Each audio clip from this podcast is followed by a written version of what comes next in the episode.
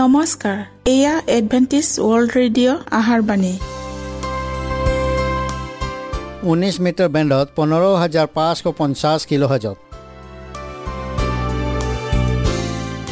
Adventist world radio যোগে অসমীয়া ভাষাত প্ৰচাৰিত আহাৰবাণী প্ৰত্যেক বুধবাৰ আৰু দেওবাৰ সন্ধিয়া সাত বজাত আহাৰবাণী শুনাৰ পিছত আপোনালোকৰ কিবা মন্তব্য আৰু প্ৰশ্ন থাকিলে আমালৈ এই ঠিকনাত লিখক। আমাৰ ঠিকনাটি হৈছে Adventist World Radio' seven day Adventist মণ্ডলী অসম শাখা লতাকাটা বশিষ্ট গুৱাহাটী সাত আঠ এক শূন্য দুই ন।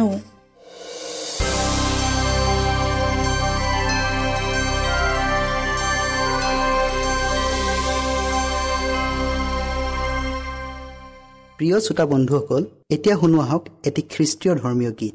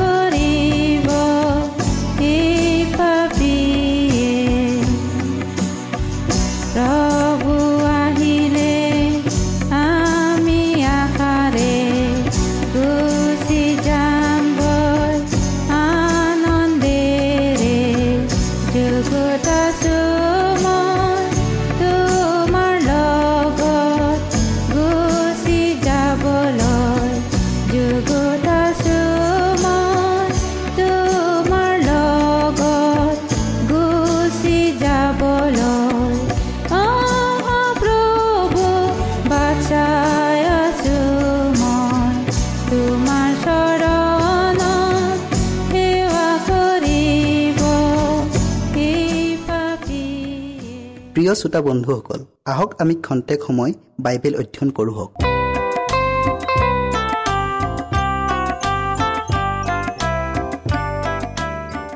প্ৰিয় শ্ৰোতাসকল নমস্কাৰ। আজি আমি হেৰুৱা আধলি এই দৃষ্টান্তৰ বিষয়ে অধ্যয়ন কৰোঁ হওক। শাস্ত্ৰ পদ আপোনালোকে পঢ়ক লোক পোন্ধৰ অধ্যায়ৰ আঠ পদৰ পৰা দহ পদলৈকে। আমি প্ৰাৰ্থনা কৰোঁ হওক। স্বৰ্গত থকা জীৱনময় গৰাকী ঈশ্বৰ যে হোৱা।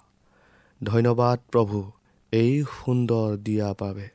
প্ৰভু আমি আজি আকৌ নতুন দৃষ্টান্ত হেৰুৱা আধলি এই দৃষ্টান্তৰ বিষয়ে অধ্যয়ন কৰিবলৈ আগবঢ়াইছোঁ। প্ৰভু তুমি আমাৰ লগত থাকা। তোমাৰ পবিত্ৰ আত্মাৰ যোগেদি প্ৰত্যেক শ্ৰোতাৰ হৃদয় স্পৰ্শ কৰি দিয়া। যীশুৰ নামত খুজিলোঁ। আমেন। হেৰুৱা মেৰ ছাগলীৰ দৃষ্টান্ততকৈ আঁতৰোৱা পাছত কৃষ্টই আন এটা দৃষ্টান্ত দি ক'লে আৰু দহোটা আধলিৰ এটা হেৰালে।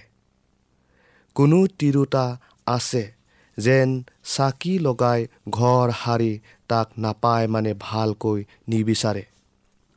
সাধাৰণতে প্ৰাচ্য দেশত দুখীয়া মানুহৰ খিৰিকী নথকা ভিতৰখন আন্ধাৰ একতলীয়া ঘৰহে সৰহ কোঠালিটো কেতিয়াবাহে সৰা হয়। পইচা আদি তেনে জাতীয় বস্তু পৰিলে বিচাৰি উলিওৱাটো কঠিন হৈ পৰে। তেনে বস্তু পাবলৈ হ'লে দিনটো মম জ্বলাই ঘৰখন পৰিষ্কাৰকৈ সাৰি ধূলিৰ পৰা বিচাৰি উলিয়াবলগীয়া হয়। তিৰোতাজনীয়ে তাইৰ বিয়াত পোৱা যৌতুকৰ অলংকাৰ অতি যত্নেৰে সংৰক্ষিত কৰি ৰাখিব লাগে। কাৰণ মাকে নিজ জীয়েকক তাইৰ বিয়াত সেই অলংকাৰ দিব লাগে।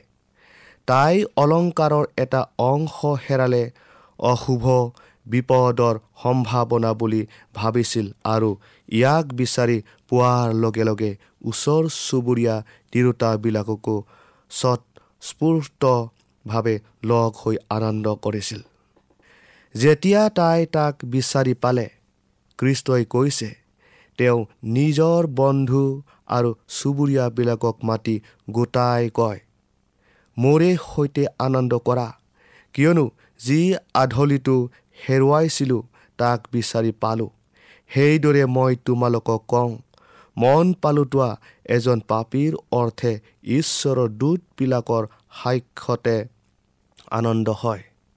প্ৰিয় শ্ৰোতাসকল পূৰ্বৱৰ্তী দৃষ্টান্তৰ দৰে ইয়াতো কিবা এটা হেৰুৱাই যত্নেৰে বিচাৰি পোৱাৰ পাছত আনন্দ কৰা দেখুৱাইছে।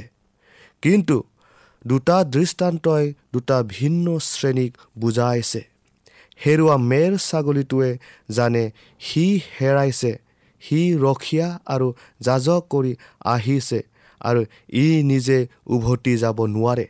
যিবিলাকে অনুভৱ কৰিছে বা জানে যে সিবিলাকে নিজকে ঈশ্বৰৰ পৰা বিচ্ছিন্ন কৰি অনিশ্চয়তাৰ মাজত হীনমনা হৈ দুৰ্ঘৰ পৰীক্ষাত জৰ্জৰিত হৈছে।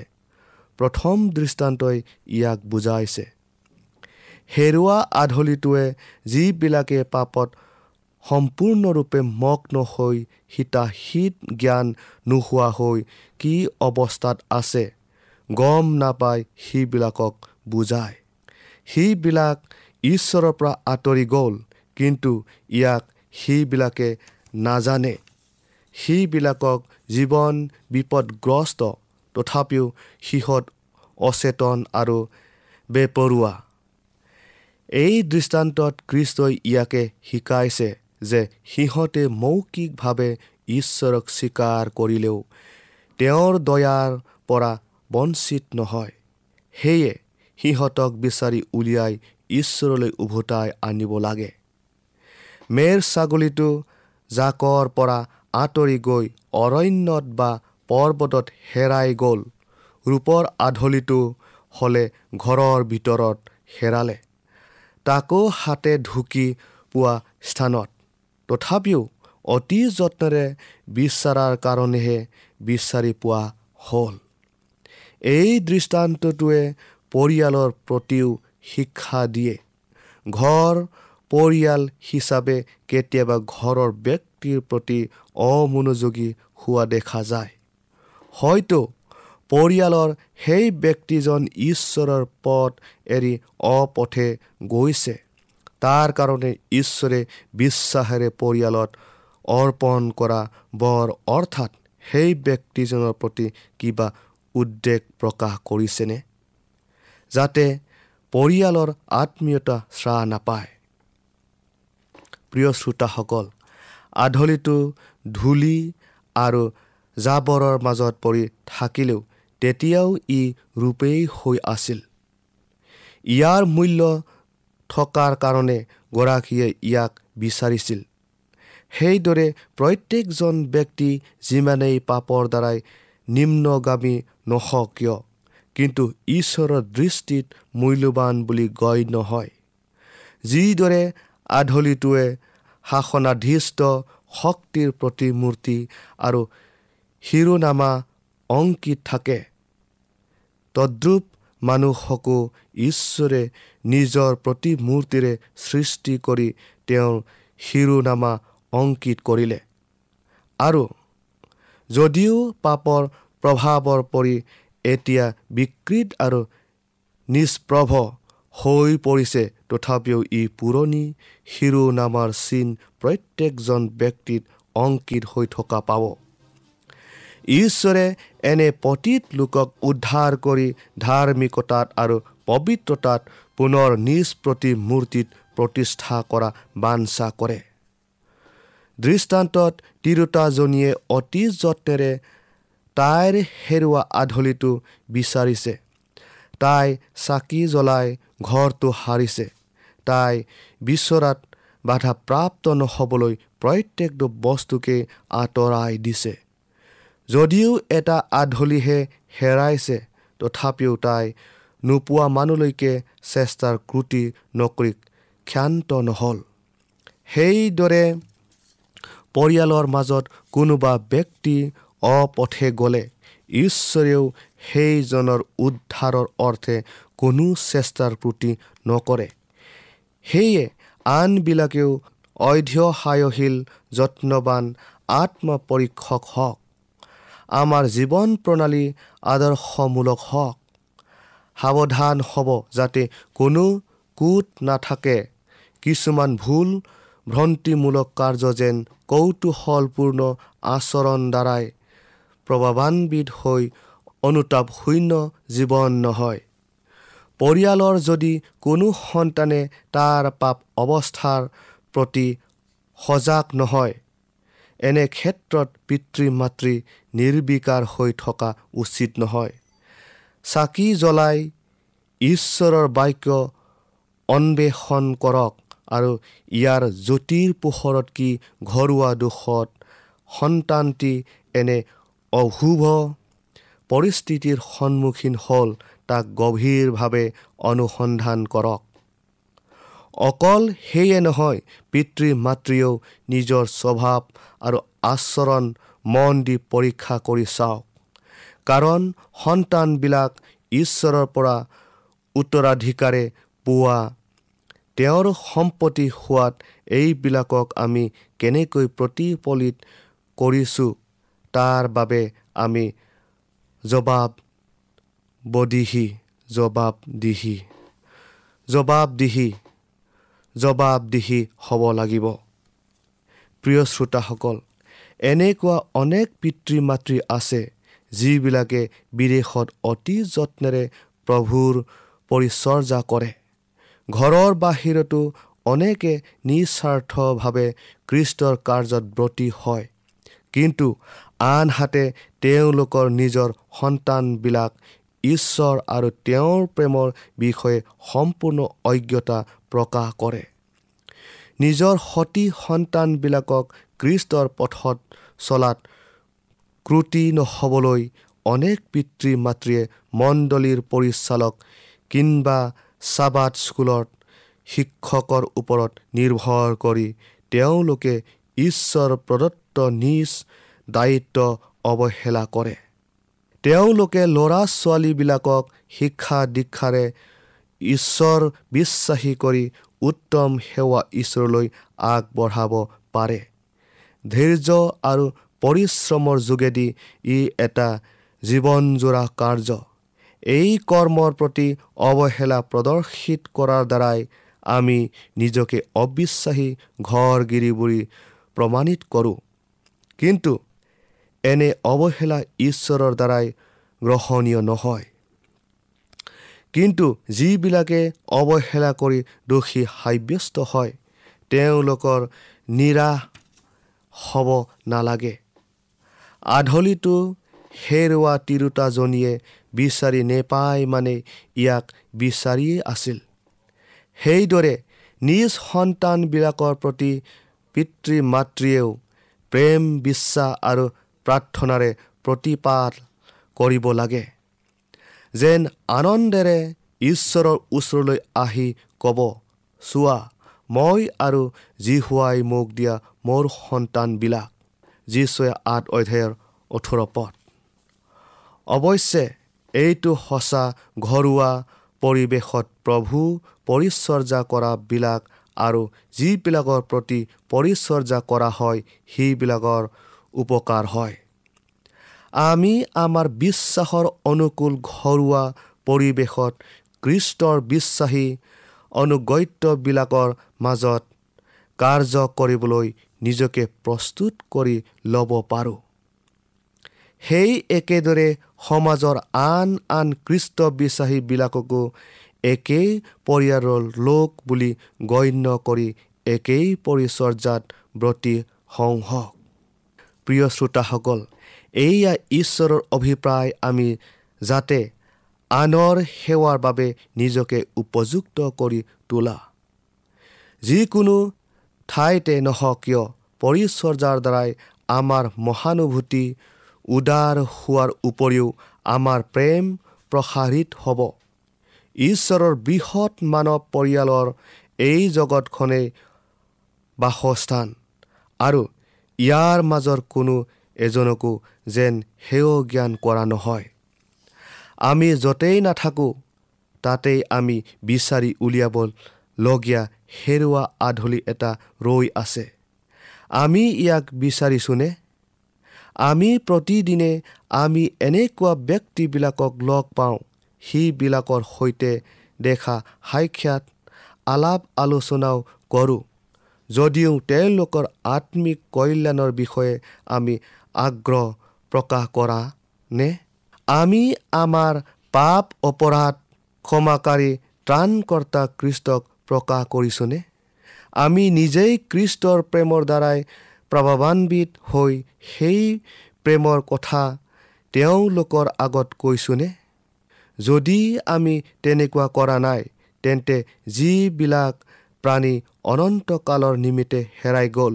সেইবিলাকৰ সৈতে ঈশ্বৰৰ সিংহাসনৰ আগত কেনেকৈ থিয় হ'ম? এজন ব্যক্তিৰ জীৱন কোনে মূল্যাংকন কৰিব পাৰে? ইয়াৰ মূল্য কিমান আপুনি যদি জানিব খুজিছে? গেটচিমানি বাগিচালৈ আহি কৃষ্টৰ যন্ত্ৰণা ভোগলৈ দৃষ্টি কৰক। ক্ৰুচত উত্তলিত ত্ৰাণকৰ্তাজনাক চাওক আৰু নৈৰাশ্যৰ বিলাপ শুনক। হে মোৰ ঈশ্বৰ হে মোৰ ঈশ্বৰ কি নিমিত্তে মোক পৰিত্যাগ কৰিলা? তেওঁৰ আঘাত পোৱা মূৰ বিদীৰ্ণ বুকু বিকলাংগ হোৱা হাত ভৰিলৈ দৃষ্টি কৰক। আমি মনত ৰাখোঁ হওক কৃষ্টই আমাৰ নিমিত্তে এনে যন্ত্ৰণা ভোগ কৰিলে। আনকি আমাৰ উদ্ধাৰৰ অৰ্থে সমগ্ৰ স্বৰ্গই বিপদাপন্ন হৈছিল। খ্ৰীষ্টই ক্ৰুচত এজন পাপীৰ অৰ্থে নিজৰ প্ৰাণ আহুতি দিলে। এতিয়া আপুনি এটা প্ৰাণৰ মূল্যাংকন কৰক। প্ৰিয় শ্ৰোতাসকল খ্ৰীষ্টৰ সৈতে যদি আপোনাৰ ঘনিষ্ঠ সমৃদ্ধ আছে তেতিয়াহ'লে তেওঁ প্ৰত্যেকজন মানৱ প্ৰাণীৰ উদ্ধাৰৰ মূল্য নিৰূপণ কৰা আপুনি জ্ঞাত হ'ব। খ্ৰীষ্টই আপোনাৰ প্ৰতি যি গভীৰ প্ৰেম প্ৰদৰ্শন কৰিলে আপুনিও আনৰ প্ৰতি তদ্ৰুপ ব্যৱহাৰ কৰক। তেহে খ্ৰীষ্টই যিবিলাকৰ নিমিত্তে নিজৰ প্ৰাণ বিসৰ্জন দিলে তেওঁলোকক অনাদৰ নকৰি ঈশ্বৰৰ ওচৰলৈ চপাই আনিব পাৰিব। তেওঁলোকৰ প্ৰতি কৃষ্টৰ ব্যক্তিগত উদ্যম অবিহনে কোনেও কাকো ঈশ্বৰৰ ওচৰলৈ উভতাই আনিব নোৱাৰে। সেইদৰে ব্যক্তিগত পৰিশ্ৰম দ্বাৰাই আমি হেৰুৱাজনক উদ্ধাৰ কৰিব পাৰিম। মৃত্যুৰ পথৰ অগ্ৰসৰ হোৱা ব্যক্তিবিলাকক দেখিলে নীৰৱ দৰ্শক হৈ আপুনি চাই থাকিব নোৱাৰে। তেওঁলোকৰ পাপ যিমানে ভয়ংকৰ আৰু গভীৰ যন্ত্ৰণাত নুভোগক কিয়? তেওঁলোকৰ উদ্ধাৰৰ প্ৰতি আপোনাৰ প্ৰচেষ্টা অধিক আগ্ৰহী আৰু উদ্বিগ্ন হৈ পৰিব। যিবিলাকে ঈশ্বৰৰ বিৰুদ্ধে পাপ কৰিলে আৰু যিবিলাকে অপৰাধৰ ভাৰৰ কাৰণে উৎপীড়িত যিবিলাক যন্ত্ৰণা ভুগি আপোনাৰ অন্তৰ্দৃষ্টিৰে তেওঁলোকৰ প্ৰয়োজন নিশ্চিত কৰিব পাৰিব। তেওঁলোকৰ প্ৰতি আপোনাৰ হৃদয়ত প্ৰেম মহানুভূতি জাগৃত হ'ব আৰু অকুণ্ঠ চিত্তে সহায় পদ্ৰ হাত আগবঢ়াব।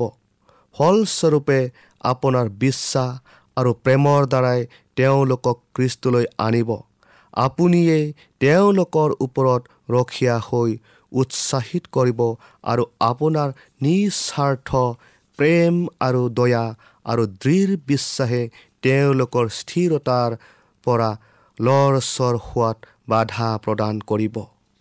প্ৰিয় শ্ৰোতাসকল এনে মহৎ কাৰ্যত স্বৰ্গদূতবিলাকেও সহযোগ কৰে।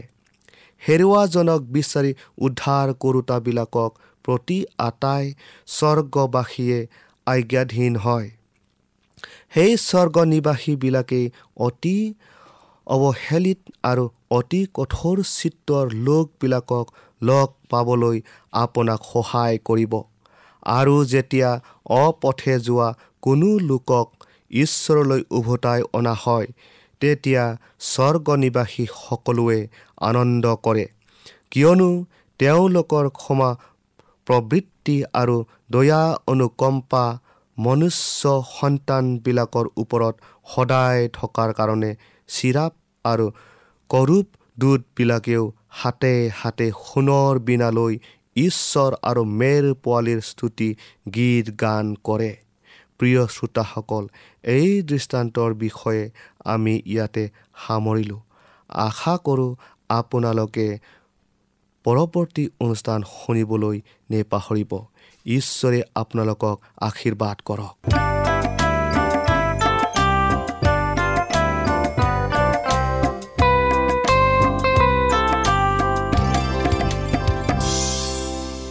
ইমানপুৰে আমি বাইবেল অধ্যয়ন কৰিলোঁ এতিয়া আকৌ শুনো আহক এটি খ্ৰীষ্টীয় ধৰ্মীয় গীত।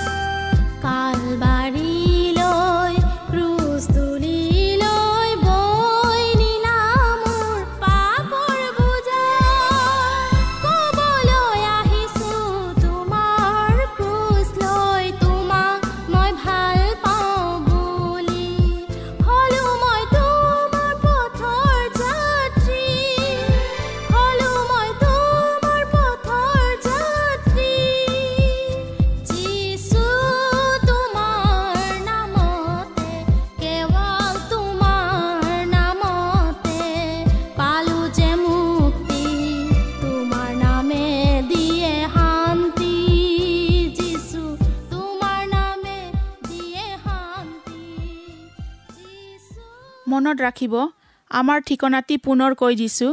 Adventist World Radio' Assam region of seven day Adventist voice of hope Latakata Basistha Guwahati seven eight one zero' two nine প্ৰিয় শ্ৰোতা বন্ধুসকল এডভেণ্টিজ ৱৰ্ল্ড ৰেডিঅ' যোগে আহাৰবাণী প্ৰচাৰত আপোনালোকক পুনৰ লগ পোৱাৰ আহাৰে আজিলৈ সামৰিলোঁ। ধন্যবাদ।